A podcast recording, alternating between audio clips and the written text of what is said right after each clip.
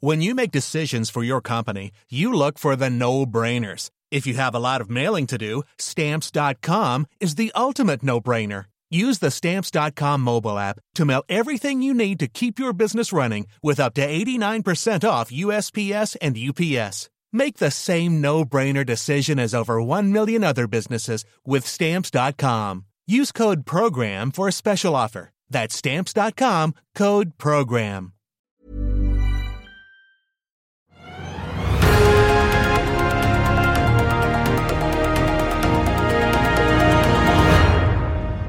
Det var en gang vi nordmenn kunne dra ut i den store verden og føle oss litt som konger og dronninger. En euro kostet jo ikke mer enn 7-8 kroner, ja dollaren lovte rundt 6, men hva skjedde?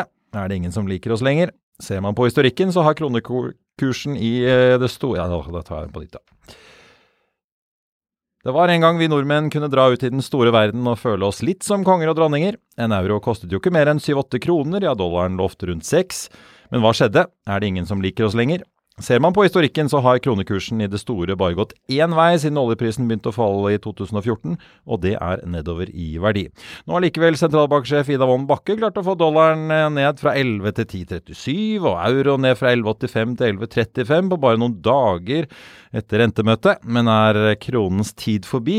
Er det tid for oss nordmenn eh, for å spille litt eurolotto? Velkommen til denne makro-julespesialen fra oss her i FA-TV, og velkommen til vårt panel. Jeg vet ikke hvordan deres julefaglige kompetanse er, men den makroøkonomiske kompetansen er i hvert fall eh, på topp. Og vi skal snakke om både kroner, renter og mye annet snacks nå som vi nærmer oss et nytt år. Velkommen Kjersti Haugland, sjeføkonom i DNB Markets, og Kyrheim Knutsen, sjeføkonom i Sparebanken 1 SR Bank, på besøk i Oslo for anledningen. Veldig hyggelig å ha dere begge her. Veldig kjekt å være her. Og Kyrre, det er jo du som mener at euro hadde vært tingen. Mm. Dette må du nesten forklare, for jeg tror ikke du blir invitert eh, opp på gården til Trygve Slagsvold Vedum i Senterpartiet med det første med noe sånt.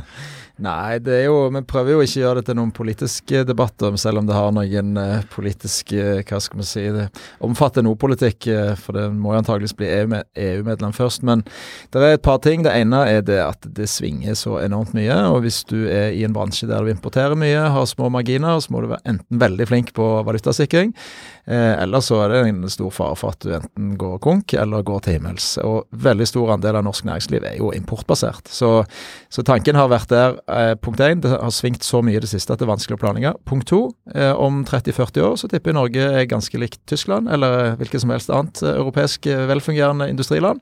Eh, og da er det ikke da oljen betyr mindre, og da er det kanskje ikke så gode argumenter lenger for å ha en helt selvstendig krone. Nei, for det jeg tenkte på da jeg leste artikkelen om dette her, så tenkte mm. jeg ja, men må vi nordmenn ruse oss av oljen først? Er dette noe vi i det hele tatt kan gjøre før vi får en økonomi som kanskje ligner mer på økonomiene nedover på kontinentet den dagen oljevirksomheten virkelig begynner å svinne hen ut i horisonten? Mm. Jeg tror nok eh, det er det mest sannsynlige hvis eh, oljen, eh, som man ser altså bare i, Hvis du har i perspektivmeldingen, så er jo olje- og gassproduksjonen ned 75 ca. i 2050. Og det er faktisk ikke så veldig lenge til 2050. Og det betyr at over tid så vil det bli en stadig mindre andel av, av norsk økonomi. Og da vil også konjunkturen i Norge svinge mye mer med de andre landene. Det som er utfordringen i dag, er jo at vi selger jo, og det har blitt satt veldig på spissen siste året, når tyskerne måtte betale 300 euro per megawatt-time for sin gass for å koke sine poteter, så var det vår inntekt og deres kostnad. Og da er det litt vanskelig å kjøre akkurat samme lik kurs, og ikke minst og samme pengepolitikk. Kjersti, lar du deg friste til å gå i lockstep med kontinentet. Danskene har jo faktisk eh, kjørt en fastkurspolitikk og klart å holde den.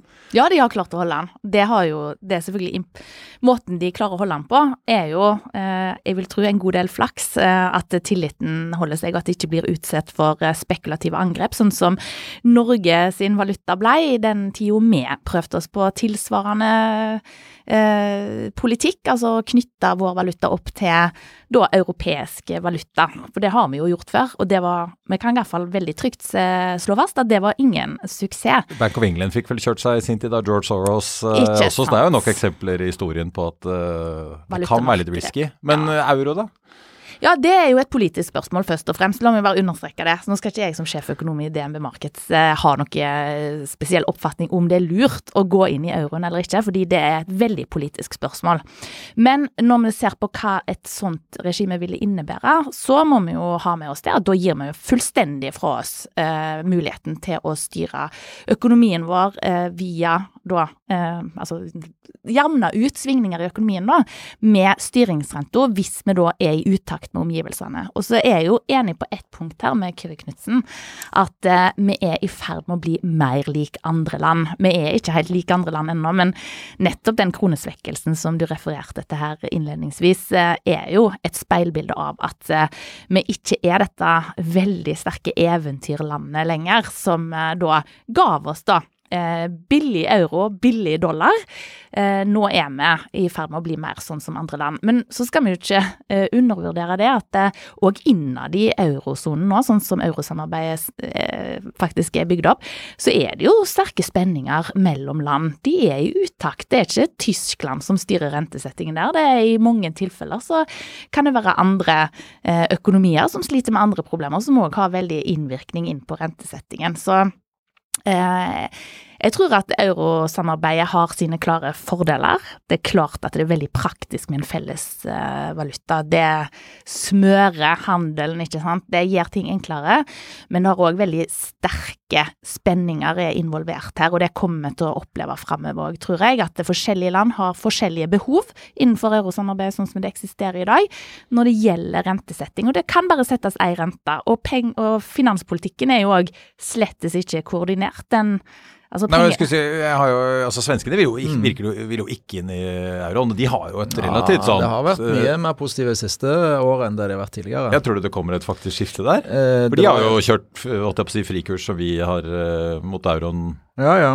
Men det var ikke så lenge siden det var første gang tror jeg noensinne at uh, det var et overvekt av svenske næringslivsledere, hvis jeg ikke husker helt feil, som var positive til euroen. Eh, det, men det tror jeg mer både med, med svingningene, men òg med den sikkerhetspolitiske diskusjonen å gjøre. Fordi at det, det, henger mye mer sammen nå enn det det gjorde. Du kan si at dette må ja, De har meldt seg inn i Nato, eller prøver å komme seg inn i ja, Nato. Ja, ja det er sant. sånn at Jeg tror også, man, vil òg se at diskusjonen framover den, Selv om jeg veldig gjerne skulle ønske at eurodiskusjonen var en diskusjon ut fra næringslivet og norsk økonomi, og ikke den politiske dimensjonen. Sant? Fordi at da blir det veldig vanskelig. Men sånn, poenget er jo hva trenger norsk næringsliv av forutsigbarhet, av rammer, for å kunne rigge oss godt de neste 100 årene, for å sette det på spissen. Men det, ja, for det er jo én side av det. På den annen side så er vi, vi er jo likere Nord-Europa, da for å generalisere litt. Mm. Og jeg husker jo under eurokrisen. Så var det et voldsomt spenn mellom Da var det jo Tyskland som var litt i førersetet. Eh, og så har du alle disse søreuropeiske landene som eh, jo har mye dårligere disiplin på budsjetter. Og de mm. burde vel kanskje hatt en valuta som kunne svekket seg for å litt sånn jevnt og trutt ta ned kjøpekraft og korrigere ting, fremfor å få disse her voldsomme gjeldskrisene. Ja, altså det, det, løser jo ikke alle problemer, det å ha euro. Tvert imot. Eh, for eh, Hellas så har det nok vært en stor utfordring at de måtte ha samme valutakurs som Tyskland. Eh, men hvis du tenker på dette med selvstendighet, ikke Hvorfor satt Norges Bank opp renten sant, nå nettopp? Det er jo fordi at de har mista kontroll på kronekursen. Sant? Det er litt sånn som når treneren mister garderoben. Eh, og eh, så Eneste grunn til at de nå måtte sette opp renten, var jo en 4% svakere kronekurs fra forrige PPR i september, forrige rapport.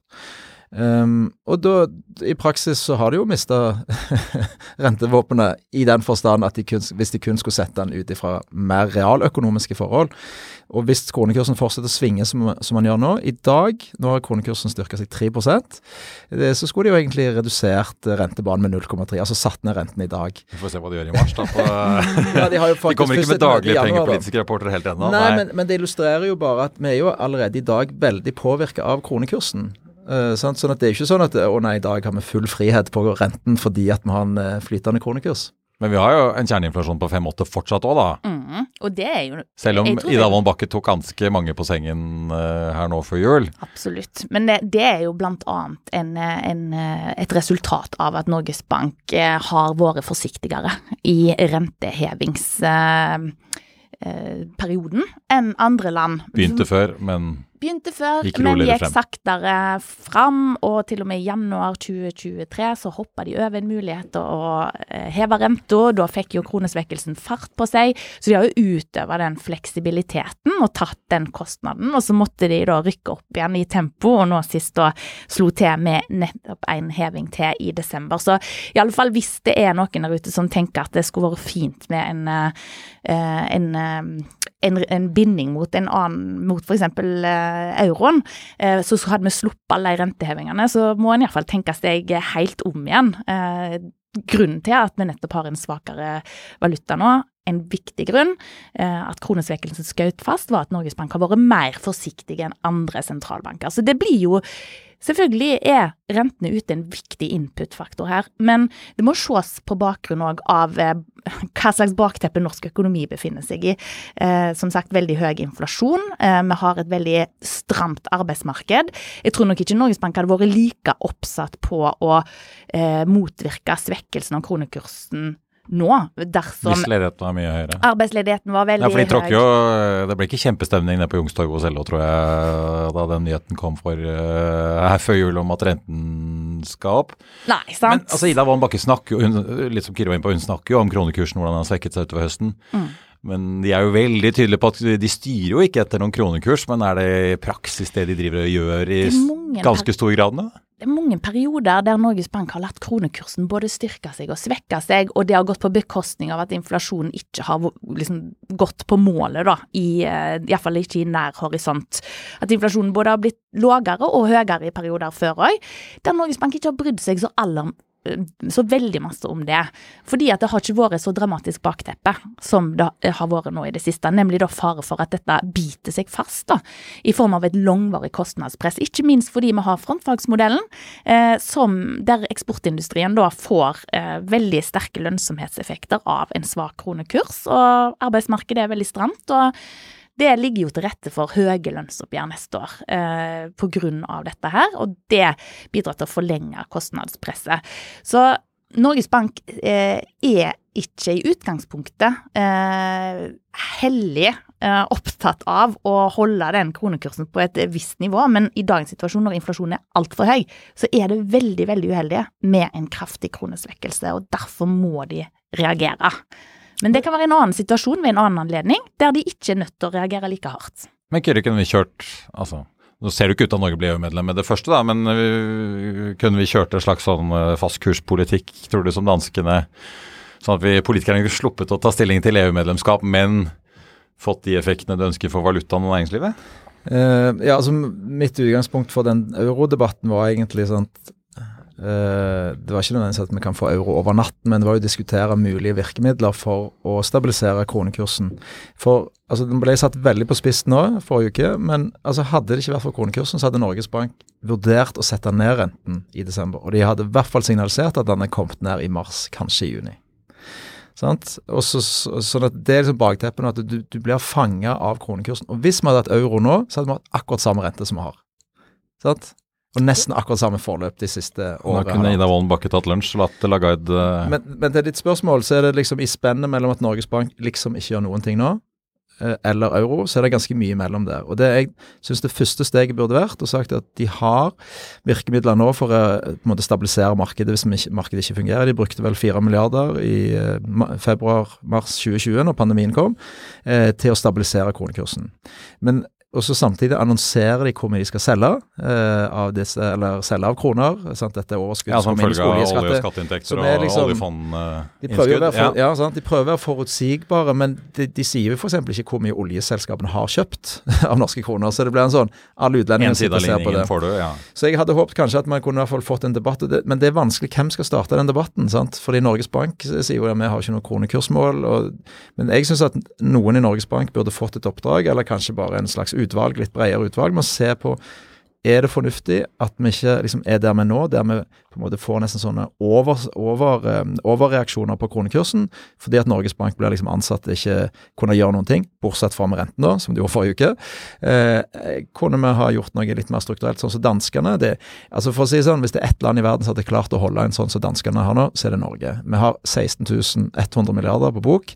Eh, når vi røyk i 1992, så var Norge et skakkjørt land. Akkurat som England og Danmark. Eh, og, var det, og Sverige og Irland. Altså liksom Italia, Spania, alle europeiske land røyk i den fasen. Men det var jo litt fordi at det var et, mer et merkelig samarbeid. Men danskene holdt det. Hvorfor det? Ja, det Sterk disiplin, men òg fordi sentralbanken bare bestemte seg for å på en måte si til danske bank at dere får, hvis dere tuller det til, så blir det vanskelig for dere å drive bank i Danmark. Sant? Men Norge har jo en, en eh, valutareserve som ingen andre land har. Eh, så det, jeg tror ikke det hadde vært noe vanskelig å få det til. Men er det smart? Det vet jeg ikke. I'll see you in court. Vi sier det ofte litt på spøk, men for deg som driver business, er det aldri moro å innse at du ikke har laget en 100% gyldig kontrakt. Du bør ikke risikere hele firmaet ditt fordi du synes dette med kontrakter er litt stress. En avtale er ikke en avtale. Du kan miste kunder, miste venner, ja, til og med miste inntekter om du ikke lager en skikkelig kontrakt, på alt mulig, egentlig. Men vi vet det er et styr. Kopimaskiner, tregprinter og haugevis av papir. Dessuten stoler vi jo på folk her i landet. Det er ofte litt kleint å skulle be om en signatur for alt mulig, ja, for mye av styret handler også om jakten på underskriften. Det finnes en enkel måte å løse dette på, Dukkobit, en trygg, effektiv og get this, gratis måte å sikre seg en god natts søvn pluss en juridisk bindende avtale. Dukkobit-appen har de strengeste sikkerhetskrav i bunn, samt en EU-godkjent og sertifisert teknologi. Framover vil det bli behagelig å spørre du, skal vi skrive under på det, eller? Kom i gang på dokobit.no. Spørs om George Soros hadde turt å yppe seg med Nicolai Tangen og oljefondet. I hvert fall i dag. Altså, her er det mange ting å ta tak i. Eh, det første er jo om er det mulig å få det til. Dan Danmark sitt eksempel kan jo være et lovende eksempel, nettopp at det kan være mulig å få det til. Eh, Norge sitt egen historie gir oss veldig dårlige erfaringer og vise at det, det, kan være utrolig krevende. Jeg tror ikke at markedet har blitt noe vanskeligere da, å, å styre i ønska retning, hun den gang. Eh, så, og så disse intervensjonene som Norges Bank utførte, det ble, ble jo brukt veldig, veldig, få milliarder, som Kyrre Knutsen her viste til, eh, for å faktisk snu den loopen som utvikla seg i eh, mars 2020. Og det var jo fordi at det hadde utvikla seg nettopp en sånn doomsloop. Det var eh, rett og slett dysfunksjonalitet i markedet akkurat da, som førte til en sånn spiral som en rett og slett måtte komme seg ut av. Og der, der var intervensjoner et, et, godt virkemiddel, og det trengtes ikke bli gjort så masse. Det holdt med med å være veldig tydelig i kommunikasjonen og komme med litt penger bak det. Eh, men som et generelt virkemiddel for å presse valutaen sin sterkere, altså det er utrolig krevende. Eh, spør Sveits, ja. Jeg skulle til å si, Du møter jo fort eh, holdt jeg på å si, AI-roboter. Det er jo de er det, er ikke bare bare i dagens finansmarked. Ja, ja, jo, jo. mye... Men du kan jo nesten bruke utømmelige sømmer hvis du skal hele tiden bette mot masse store hedgefond og tradingroboter. Ja, og det, var jo, og det jo om og, og, da var vi bare inne på er det mulig å gjøre dette her. Jeg, ja. jeg tror svaret er eh, nei. Eh, og er det ønskelig å gjøre dette her, da må vi òg huske at kronekursen sin verdi, den er som du nevnte her egentlig når du snakket om de små landene i Sør-Europa. De har jo i da, situasjoner da, i ikke så altfor fjern fortid, egentlig vært i en situasjon der de virkelig kunne trengt sin egen nasjonalvaluta for å komme seg ut av knipa. Det er utrolig kostbart å devaluere eh, og, og, komme og rette opp en konkurranseulempe eh, via innenlandske lønninger. Altså det er det, er det f.eks. Hellas har måttet ha gjort. da, Å kjempe seg gjennom en, en prosess med opprydning gjennom å ta veldig saftige kutt da, innenfor eh, inntekter innad i landet. Mens Norge har jo nå fått en veldig hjelp av kronekursen, eh, som vi kanskje hører altfor lite om i media, eh, i den forstand at vår kostnadsmessige konkurranseevne er mye bedre enn det den var da når vi var oppe på toppen der i 2013. Og jeg tror nettopp at det er en grunn til at kronekursen er der den er. Og jeg forventer jo heller ikke at den skal bli så veldig masse sterkere i året som kommer, egentlig, sånn jevnt over, fordi eh, fordi at eh, norsk økonomi har, eh, er i en sånn tilstand nå, der vi er på vei til å bli en mer normal økonomi, og da skal vi betale mer for en euro enn før. Vi skal betale mer for en dollar. Og det gode med det er jo at eh, vi blir mer konkurransedyktige i forhold til utlandet via den kanalen, i stedet for at vi har måttet da tatt kraftige kutt i nominelle lønninger, f.eks., for, eksempel, for å gjenopprette konkurranseevne. Og det må vi ikke glemme. Det er faktisk en stabilisatormekanisme at kronekursen eh, nå svekker seg. Litt kjipere å være nordmann i utlandet, men jeg får jo nevne, jeg har jo hatt Norwegian-sjefen i studio i høst som har smilt. Uh, selv, om det, selv, om drivstoff og fly, som jo er bokført i dollar, er dyrt, så uh, flakser jo masse turister opp til, fra Sør-Europa til Tromsø, da, som Norwegian gladelig frakter opp til hotellenes store glede der oppe. Mm. Men vi, vi, må nesten også snakke litt om dette rentemøtet. Vi har jo vært litt inne på hva som mm. skjedde. men det som slår meg også, både når du ser på for så vidt også hva som skjer uh, i det globale rentemarkedet med forventningene til uh, sentralbanken i USA, Fed, også her hjemme, det virker som alle i markedet løper rundt og priser inn altså en hel bøtte med rentekutt uh, det kommende året, mens disse sentralbankene løper rundt og Nei, vi snakker ikke så mye om rentekutt, sa John Williams, uh, sjefen i New York Fed her for ikke så mange dagene siden. Mm. To dager etter at sjefen var ute og snakket om at ja, medianestimatet nå i vår egen rentebane, eller dotplotten, er tre. Ja. Kyrre, det samme virker det som her hjemme. Det I hvert fall før rentemøtet til Ida Wolden så var det vel var det fem rentekutt var priset inn ja, ja. Uh, fra Norges Banks del. Hva, hva, hva, skyldes denne store differansen av, tror du? Nei, Markedet ser på andre ting enn sentralbanken. Jeg tror eh, sentralbanken òg eh, på godt og vondt har blitt veldig myopiske, altså veldig kortsiktige i sine forventninger.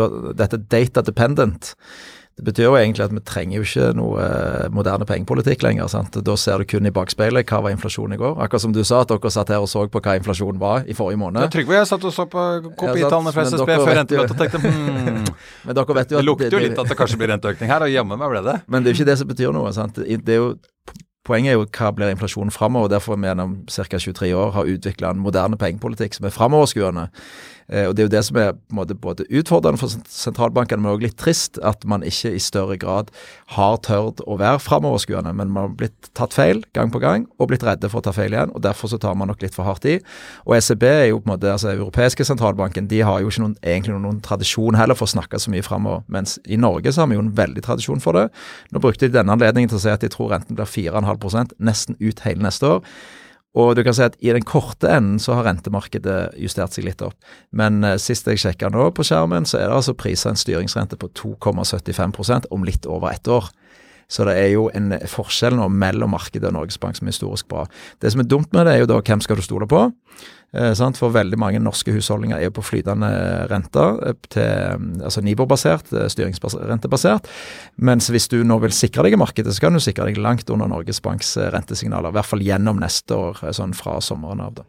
Så um, de har på en måte, de har en jobb å gjøre selvfølgelig med å få ned inflasjonen, men det blir nok også interessant å se tid de igjen begynner å være mer på linje med markedet. Nå er det sånn at sentralbanken ikke alltid er på linje med markedet. altså. Nei, men det er ikke lett å være prognosemaker heller, Kjersti, i en sånn sånn verden da? For da ja, ser du på nyboligsalg og varehandel, og det er en ganske stor forskjell på 450 og 275?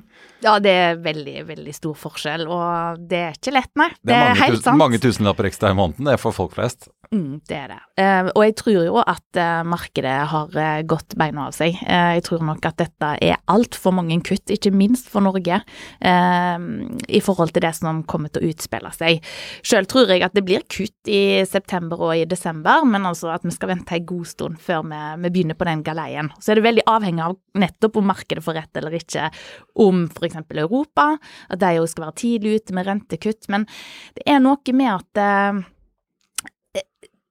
sentralbankene har gjennom de siste åra snakka veldig masse om risiko. sant?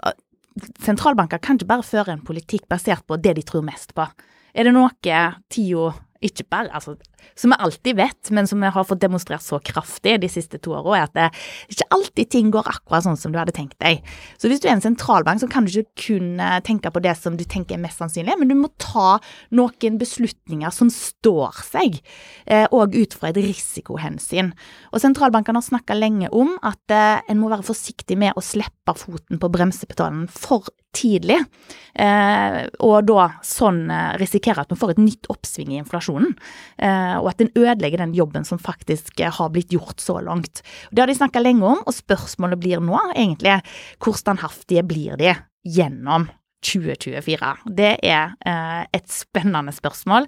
Jeg har nok dessverre begrensa tro på sentralbanker sin eh, egen evne og vilje til å binde seg til masta. Eh, de har sagt mange ting veldig med kraftig ordbruk før, men så snudd.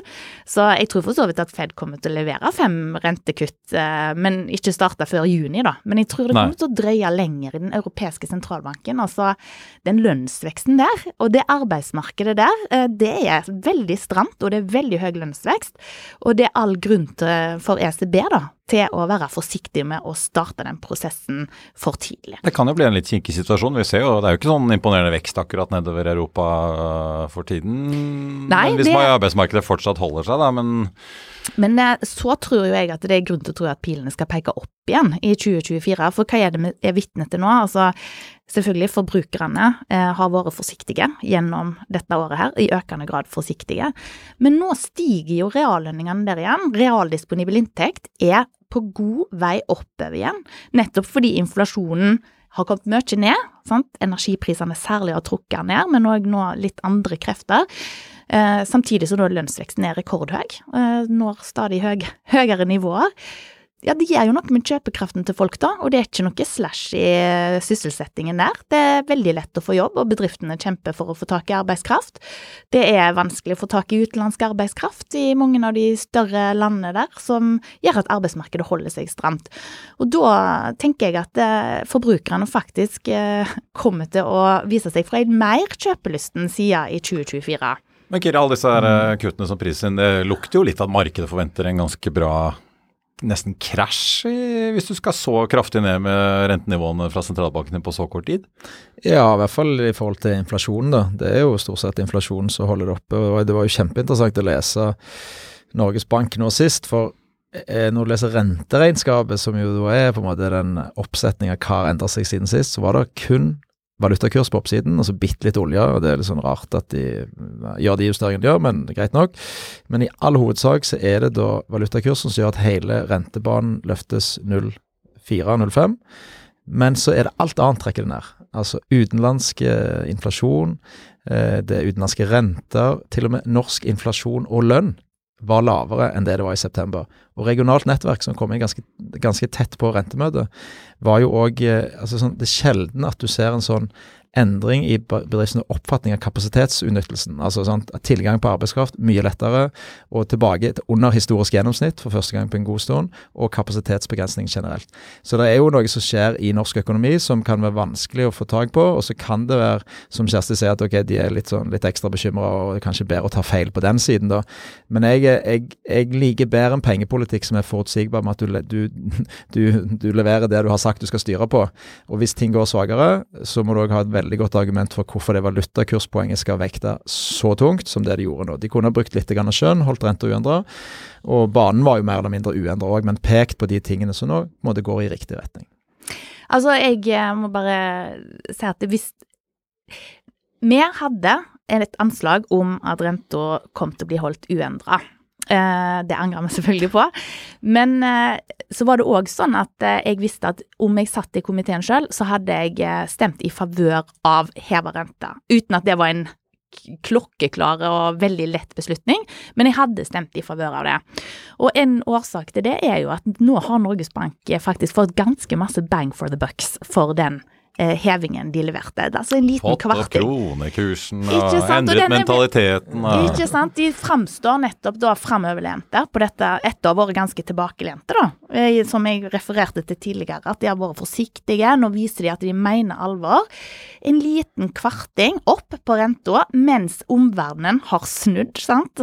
Så får du jo massevis av effekt via rentedifferensialet. Og nå får du jo òg, selvfølgelig òg, det er ikke bare denne kvartingen som har fått eh, kronekursen til å styrke seg nå i det siste. Du har både oljepris som har gått opp, og ikke minst at det, risikoviljen i markedene er på vei opp nå som eh, markedet ser for seg både en mjuk landing og en eh, rekke rentekutt i USA. Så dette er jo en fantastisk cocktail for Norges Bank.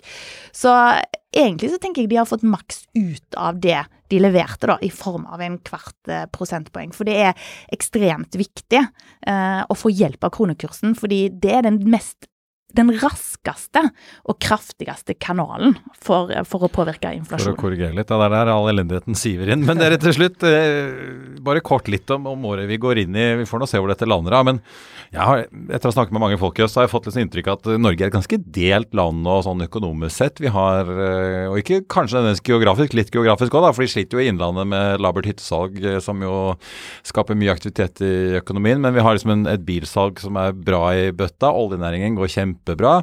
I varehandelen er det litt sånn delt. Noen gjør det ganske bra, andre sliter tungt. Er det det dere opplever òg, at det er veldig ulik fart, litt avhengig av hvilke segmenter og bransjer og deler av landet man ser på? Det må vi bare slå 100% fast, at her er det store forskjeller. Eh, det er ikke et land i takt, liksom? Nei, det er det ikke. Og sånn er det ofte. Eh, F.eks. når renta ble kutta kraftig i når olje nedturen kom, eh, så var det jo egentlig Stavanger og omegn og mitt eget heimedistrikt heimadistrikt ja. som, som, trengte de rentekuttene. Mens det var ikke noe oppgang å spore i arbeidsledigheten i resten av landet. Så sånn er det. Vi har ei rente.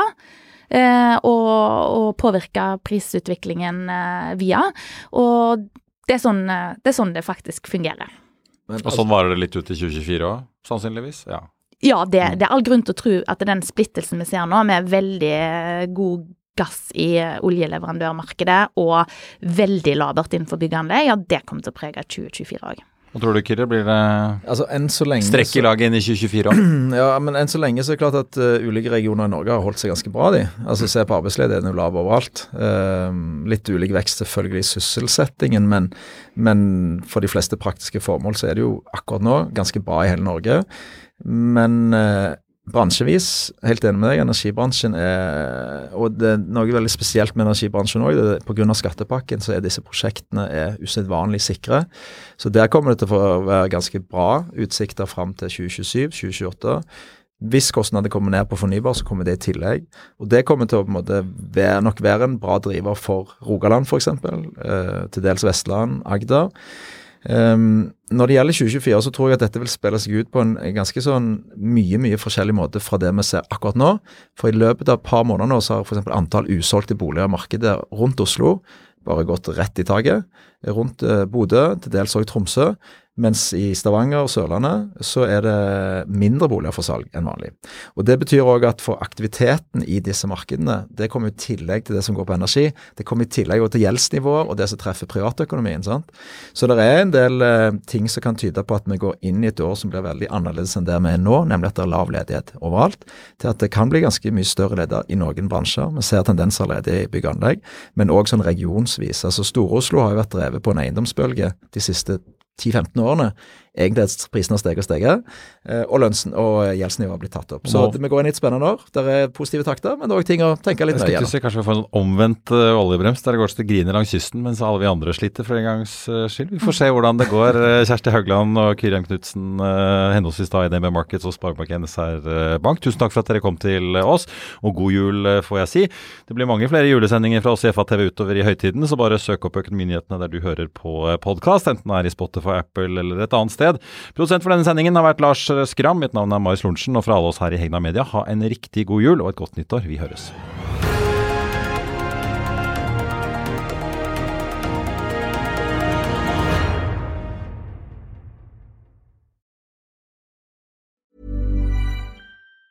Planning for your next trip? Elevate your travel style with Quince. Quince has all the jet setting essentials you'll want for your next getaway, like European linen premium luggage options, buttery soft Italian leather bags, and so much more. And it's all priced at 50 to 80% less than similar brands. Plus, Quince only works with factories that use safe and ethical manufacturing practices. Pack your bags with high-quality essentials you'll be wearing for vacations to come with Quince. Go to quince.com slash trip for free shipping and 365-day returns.